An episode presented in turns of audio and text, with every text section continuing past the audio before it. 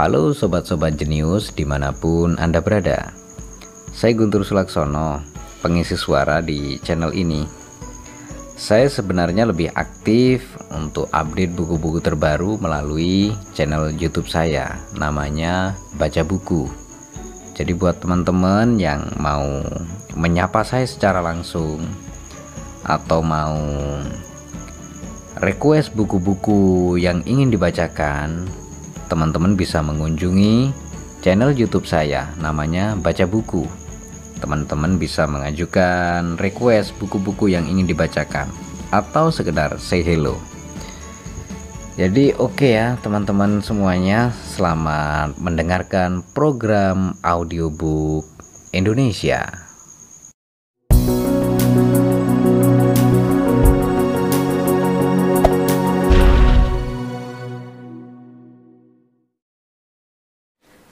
Sebuah novel dari Nawal El Sadawi dengan judul Perempuan di Titik Nol.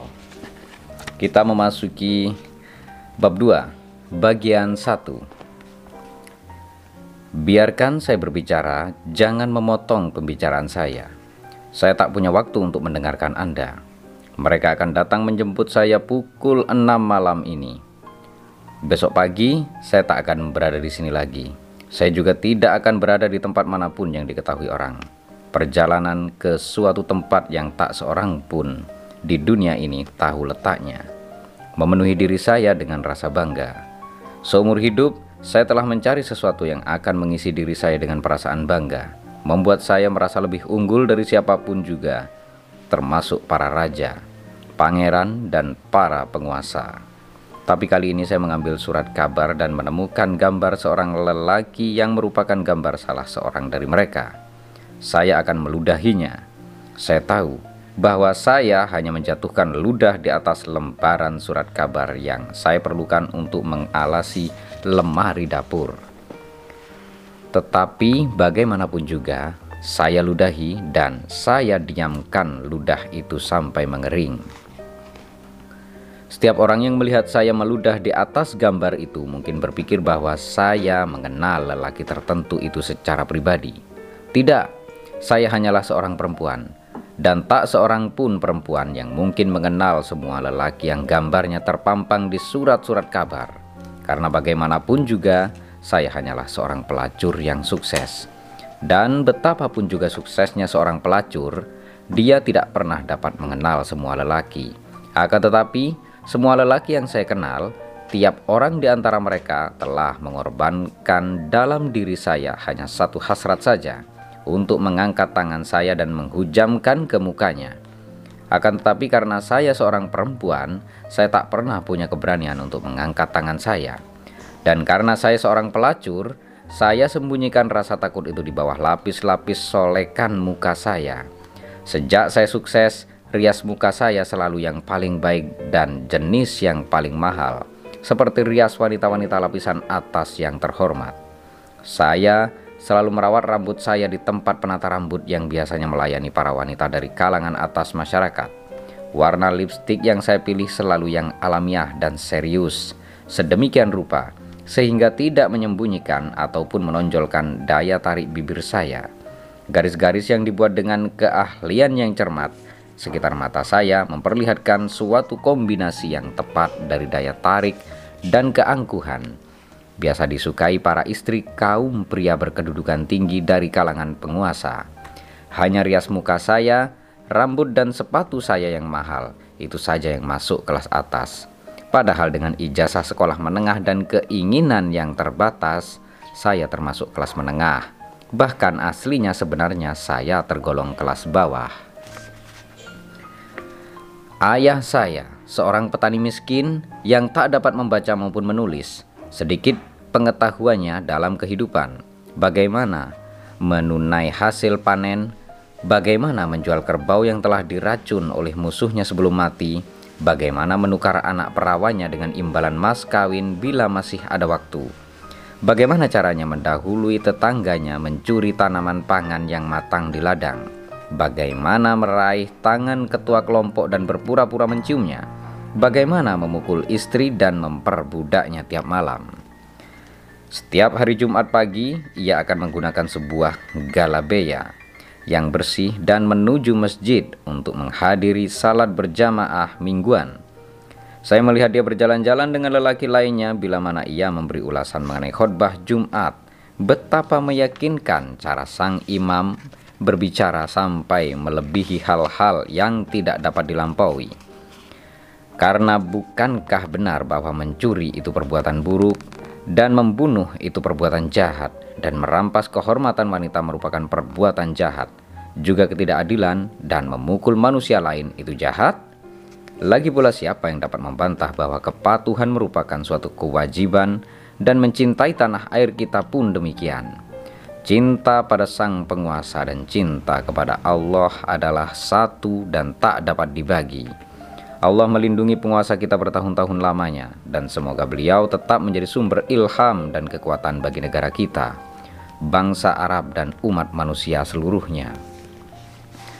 Saya dapat melihat mereka berjalan-jalan melalui lorong-lorong sempit yang berliku-liku sambil mengangguk-anggukkan kepala masing-masing dengan kagum, menyetujui segala hal yang telah diucapkan sang imam yang suci. Saya perhatikan mereka, sementara mereka mengangguk-anggukkan kepala mereka, menggosok-gosokkan tangan mereka satu sama lainnya, mengusap dahi sambil menyebut nama Allah, memohon berkahnya, mengulangi ayat-ayatnya dengan suara parau dan lembut, menggumam dan berbisik tanpa istirahat sejenak pun. Di atas kepala, saya menjunjung sebuah kendi tembikar yang berat penuh berisi air. Karena beratnya, kadang-kadang leher saya tersentak ke belakang, ke kiri atau ke kanan.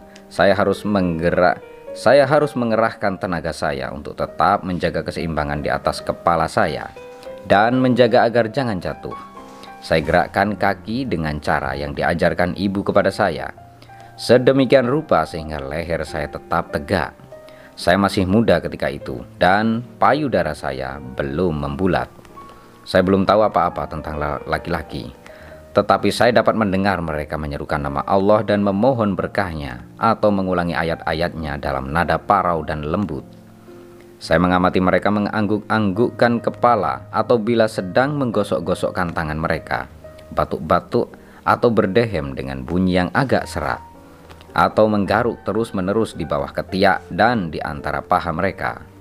Saya melihat mereka sedang mengamati apa yang terjadi di sekitar mereka dengan pandangan mata yang memancarkan sikap waspada, ragu-ragu, dan dengan sembunyi-sembunyi, mata siap menerkam mangsa, penuh sikap agresif yang tampak seperti sikap merendahkan diri. Kadang-kadang saya tidak dapat membedakan yang mana di antara mereka itu ayah saya. Ia sangat mirip dengan mereka sehingga sulit mengetahuinya. Demikianlah maka pada suatu hari saya bertanya pada ibu tentang dia. Apa sebabnya ibu sampai melahirkan saya tanpa seorang ayah? Mula-mula ia memukul saya. Kemudian ia membawa seorang wanita yang membawa sebilah pisau kecil atau barangkali pisau cukur. Mereka memotong secuil daging di antara kedua paha saya. Saya menangis semalam suntuk. Keesokan paginya, ibu tidak menyuruh saya ke ladang. Biasanya, ia menyuruh saya membawa beban pupuk di atas kepala saya ke ladang. Saya lebih suka ke ladang daripada tinggal di rumah. Di sana saya dapat bermain-main dengan kambing, menaiki kincir air, dan berenang dengan anak-anak lelaki di kali.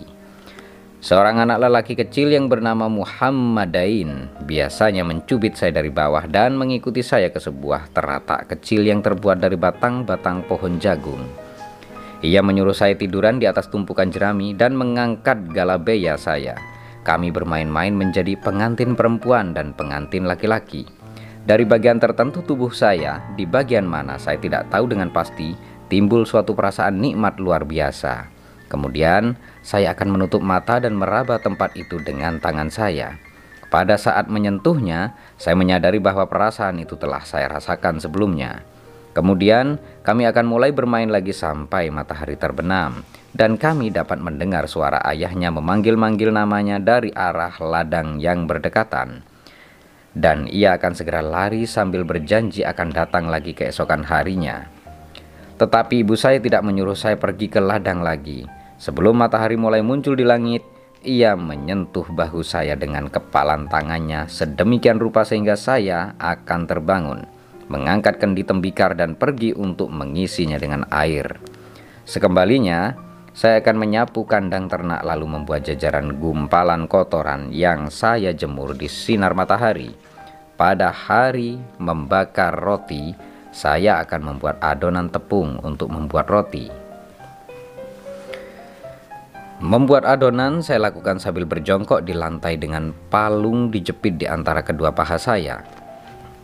Secara teratur, saya angkat gumpalan yang kenyal itu ke atas dan membiarkannya jatuh kembali ke dalam palung. Panasnya tungku mengenai muka saya, menggosongkan ujung-ujung rambut saya. Galabeya saya acap kali menggelosor sehingga paha saya terbuka. Tetapi tidak saya perhatikan, sampai pada suatu saat saya melihat tangan paman saya pelan-pelan bergerak dari balik buku yang sedang ia baca menyentuh kaki saya. Saat berikutnya, saya dapat merasakan tangan itu menjelajahi kaki saya sampai paha dengan gerakan yang gemetaran dan sangat berhati-hati. Setiap kali terdengar suara langkah kaki orang di pintu rumah kami, tangannya akan segera ditarik kembali.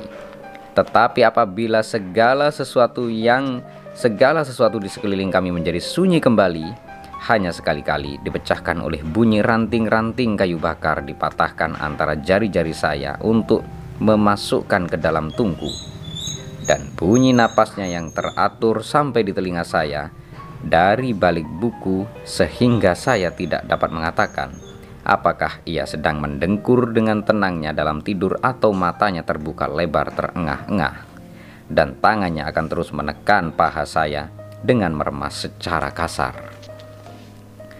Ia sedang melakukan sesuatu yang telah dilakukan Muhammadain terhadap saya sebelumnya.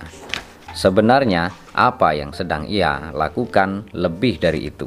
Sebenarnya, ia melakukan hal yang lebih jauh dari itu, tetapi saya tidak lagi merasakan kenikmatan yang menyebar dari bagian tubuh saya yang tidak diketahui, tapi yang sudah terbiasa itu. Saya pejamkan mata saya dan berusaha untuk mencapai rasa senang yang pernah saya rasakan sebelumnya, tetapi tidak berhasil. Seakan-akan saya tidak ingat lagi tempatnya yang tepat atau seakan-akan sebagian dari tubuh saya telah pergi dan tidak akan kembali. Paman saya tidak muda lagi. Ia jauh lebih tua dari saya. Ia sering bepergian ke Kairo seorang diri, belajar di El Azhar, dan kuliah di saat saya masih seorang bocah kecil yang belum pandai membaca atau menulis. Paman akan menyuruh saya memegang sebuah kapur tulis dan menyuruh saya menulis di atas sebuah batu tulis. Alif, ba, zim, zal. Kadang-kadang ia menyuruh saya mengulang untuk menirukannya. Alif tak punya tanda apa-apa di atasnya. Ba diberi titik di bawahnya. Jim diberi titik di tengahnya. Zal sama sekali tak punya apa-apa. Ia akan menganggukkan kepalanya ketika membaca sajak dari seribu sajak karya Ibnu Malik. Seakan-akan ia sedang membaca Al-Quran dan saya akan mengulang menyebutkan setiap huruf menirukannya dan menganggukkan kepala saya juga.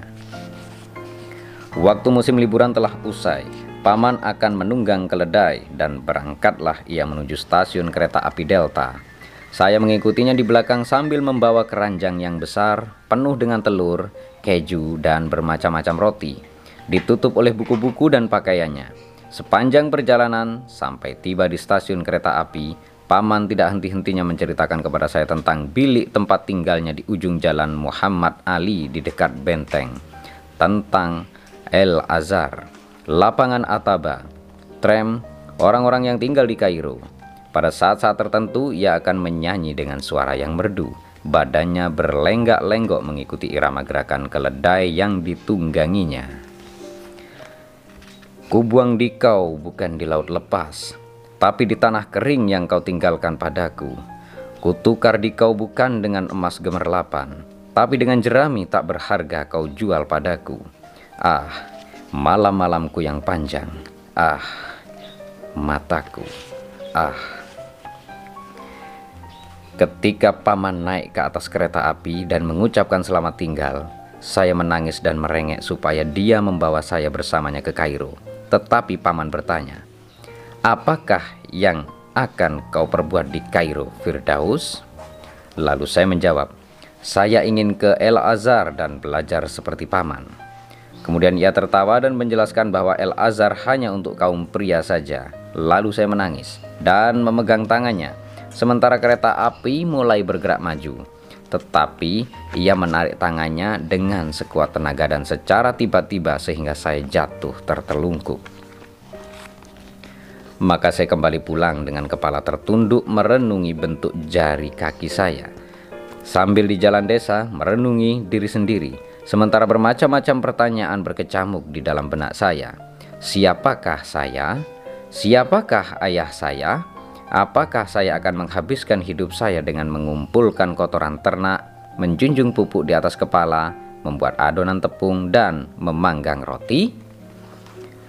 Kembali di rumah ayah, saya memandang dengan hampa pada tembok-tembok dari tanah liat. Bagaikan orang asing yang belum pernah masuk ke tempat ini, saya melihat sekeliling hampir-hampir keheranan, seakan-akan saya tidak lahir di situ.